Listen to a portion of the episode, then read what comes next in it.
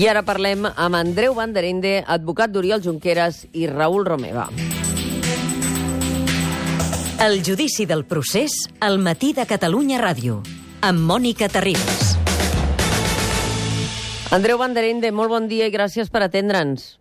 Hola, bon dia. Estem a res, a dues setmanes es- escasses per saber el vist per sentència. Cap sorpresa per vosaltres que Fiscalia ratifiqui aquesta acusació de rebel·lió consumada eh, que ahir, eh, evidentment, es va fer evident un cop vam llegir els escrits.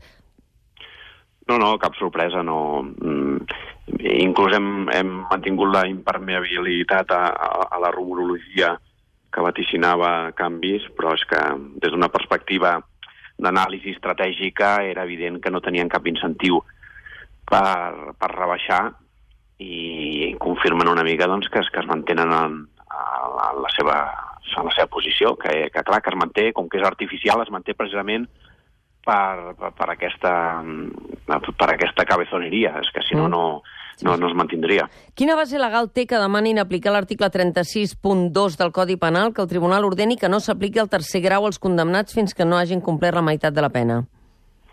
Bé, aquesta és una previsió que efectivament existeix, s'està aplicant d'una forma molt generalitzada. Em, fa, no recordo quan es va introduir, però deu fer ja ben bé 8 o 10 anys que aquesta previsió es va introduir, segurament a, a cop de- d'algun cas em, concret en el que es va entendre que, que s'havia d'agreujar encara més les condicions de, de compliment de les penes i fer una cosa que és bastant dura, que és introduir fórmules que evitin la, la flexibilització del compliment, perquè ja sabeu que no estem parlant de, de, de, de no complir la pena, estem parlant de que les, les modalitats de compliment poden ser en règim obert, en règim tancat, bueno, doncs segurament en el seu moment el PP va entendre que s'havia de posar aquests límits i això ens ha afectat molt, eh, els professionals i els nostres clients en els últims anys, i ara la Fiscalia doncs, demana aplicar aquest article també en el cas dels, de, dels presos, que això pot tenir unes conseqüències, evidentment, eh, eh, molt i molt dures, perquè vol dir que no pots ni sortir de permís 24 hores fins que hagis complert la, la meitat de la condena. I no oblidem que hi ha peticions de penes de fins a 25 anys de presó. Això voldria dir que fins a complir-los eh, doncs podrien estar fins i tot, eh, en el cas que les, la pena fos més dura, 15 anys sense, o 10 anys i 12 sense poder sortir, no? I tant, sí, sí, sí, això és el que diuen. Mm, sembla, bueno, sembla un escenari que no ens podem ni imaginar, però, però bueno, és el que us dic, és a dir, la Fiscalia jo crec que intenta justificar la seva posició a través de no moure's un mil·límetre, perquè és, és aquella cosa de que no es pot acceptar que un està equivocat, i, el que fan en tot, tot cas és esmenar eh, els fets, canviar l'argumentació perquè el seu prejudici s'aguanti, uh Mhm. -huh. que això és el que fan constantment. Uh, ha servit de res aquest uh, judici oral, Andreu Banderinde? Sí que ha servit. Em, jo, jo, a veure, vaig parlar amb, amb una col·lega anglesa fa un any potser i em deia, diu, aquest judici és molt fàcil. I jo li dic, hòstia, em, doncs jo, jo no el veig tan fàcil, no? I diu, sí, sí, perquè és un judici en el que quasi tot és públic o és notori i, per tant, el judici en si no és tan important. I, bueno, doncs potser tenia un, en part raó perquè tot el que hem vist la majoria de la gent que ho ha vist pot dir és que ja ho sabíem, no? El que passa és que els judicis no només serveixen a vegades per descobrir coses, sinó que serveixen per posar-les de manifest i, i fer-les aflorar perquè siguin, perquè es recordin o perquè es puguin comparar unes amb les Mhm. altres, no? Però és possible, com, com dius, que, que en aquest judici eh, doncs, hagi sobrat eh, doncs molts testimonis o, bueno, o moltes discussions. Sí, sí. ser. Quin efecte espereu que tingui l'eximent que heu demanat les defenses que en cas de condemna s'exclogui s'exclogui d'entrar a la presó amb l'eximent que els presos complien amb el deure del seu càrrec? Bé, nosaltres això ho hem formulat de, mm, alternativament, com moltes defenses. Jo personalment mm, no hi estic d'acord. És per això que ho form, formulo de forma alternativa. És a dir, em, la nostra posició és que l'exercici d'un dret fonamental, per exemple, és, eh, és un límit del dret penal, en el sentit de que jo no puc cometre cap delicte en circumstàncies en què estigui exercint un dret. El que passa és que el Tribunal Suprem pot entendre el mateix des d'una altra perspectiva estrictament tècnica, que és que digui que no és que no hi hagi delicte, sinó que pot haver-hi una, una situació antijurídica que estigui justificada posteriorment per l'exercici d'un dret. Uh -huh. Per tant, és una discussió estrictament tècnica sobre el mateix substrat, i el substrat és absolució perquè tot el que s'ha fet és la manifestació de l'exercici d'un dret. Els advocats de Jordi Cuixart han demanat la llibertat basant-se en l'informe del grup de treball de Nacions Unides sobre detencions arbitràries. Entenem que fareu el mateix amb el cas d'Oriol Junqueras i Raül Romeva, no? Sí, sí, sí. Farem, bueno, i, i, bueno ara, ara és que és, ara en la fase final convergeixen totes les raons i, i bueno, no sé, ja, ja no sé quantes en tenim per l'alliberament. Una altra cosa és que eh, és com entomar al tribunal aquesta situació, però, però és que és flagrant, perquè aquesta sol·licitud de Cuixart i la que fem nosaltres, que la farem ara en breu, vale? convergeix en el final del judici. És a dir, tots els arguments de Marchena últims es basen en l'existència d'un judici obert, com a motiu per, per mantenir-los a presó. Bueno, uh -huh. doncs s'acaba el judici, s'acabarà el dia 12, segurament, i a sobre tenim un informe molt contundent de Nacions Unides que convalida moltes de les coses que hem vingut dient. Tenim que Junqueras és europarlamentari, bueno, no sé, és que ja anem afegint i afegint i afegint, i, i si ara no s'aconsegueix, doncs és que ja és que el bloqueig és total. A la contra, pot ser que Manuel Marchena decideixi mantenir-los en presó i dicti sentència abans de l'estiu, precisament per evitar treure'ls de presó? Pot passar, sí, pot passar qualsevol cosa. Però una sentència abans de l'estiu jo crec que és molt complicada. Eh, D'entrada toparia amb... A veure com ho diríem, és a dir, la gent és molt susceptible i començaria a dir que la sentència estava mig feta, uh -huh. perquè, perquè nosaltres sabem les dinàmiques, els tempos, i, i no dona, no, uh -huh. no, no surten els comptes. Per tant, jo no crec que s'arrisquin a visibilitzar que, que el treball s'ha fet abans d'hora. Uh -huh. Jo crec que això serà després de l'estiu.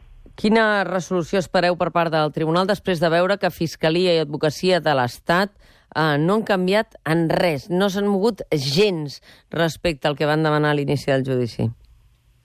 Bé, que no hagi modificat res no, no afecta a la funció del tribunal, perquè les parts fem estratègia, i encara que el Ministeri Fiscal se sotmet al principi de legalitat, en la pràctica segueix criteris també tàctics i, i d'oportunitat. Mm. Aleshores, mm, Fiscalia fa això com una tàctica, i el tribunal entomarà els fets i farà la seva valoració independentment d'aquest fet. Una altra cosa és que la cobertura que té el tribunal amb unes acusacions tan brutals és amplíssima, és a dir, li estan donant la facultat, les acusacions, precisament, de que recorri tot aquest rang de pena, i, i vamos, i inclús en Vox diríem que inclús més, no?, perquè són 74 anys. Sí. Per tant, eh, les acusacions el que fan és que marquen el, el terreny de joc i donen la possibilitat al tribunal d'arribar fins, a aquesta, fins a aquest extrem.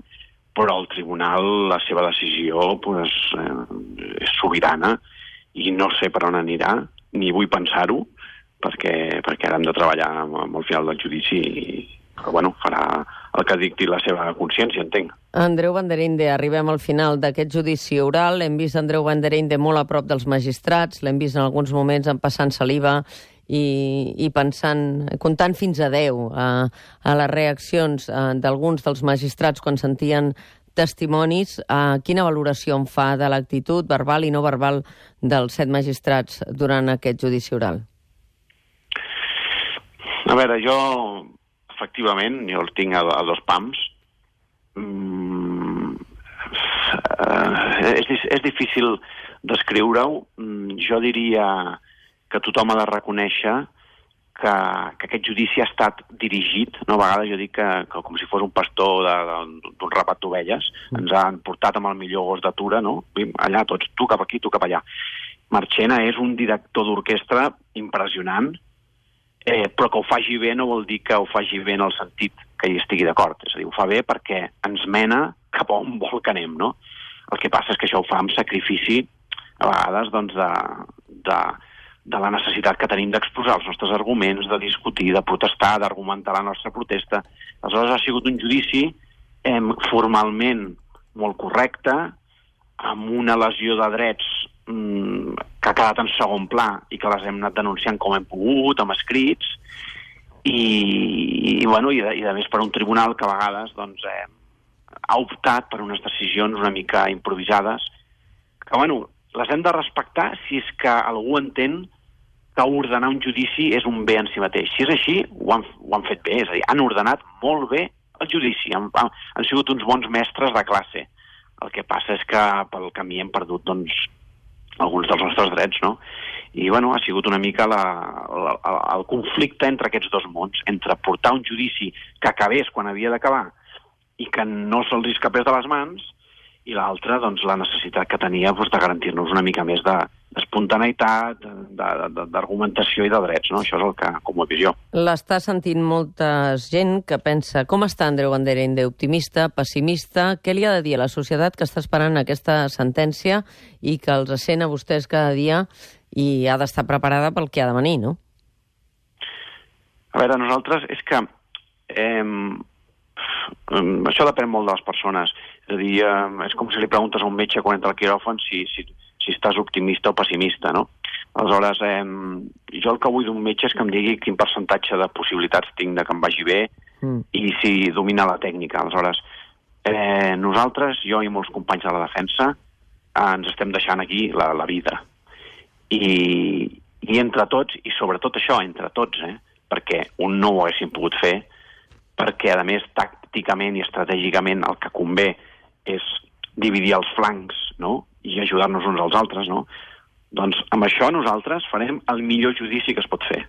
Uh -huh. jo, jo no tinc cap dubte d'això.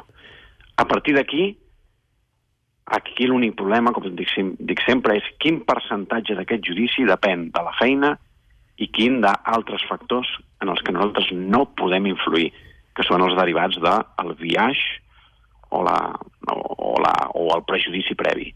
Llavors aquest percentatge no el coneix ningú. Qui sàpiga què passarà en el futur, el que està fent és una aposta, no està fent una predicció ni futurologia.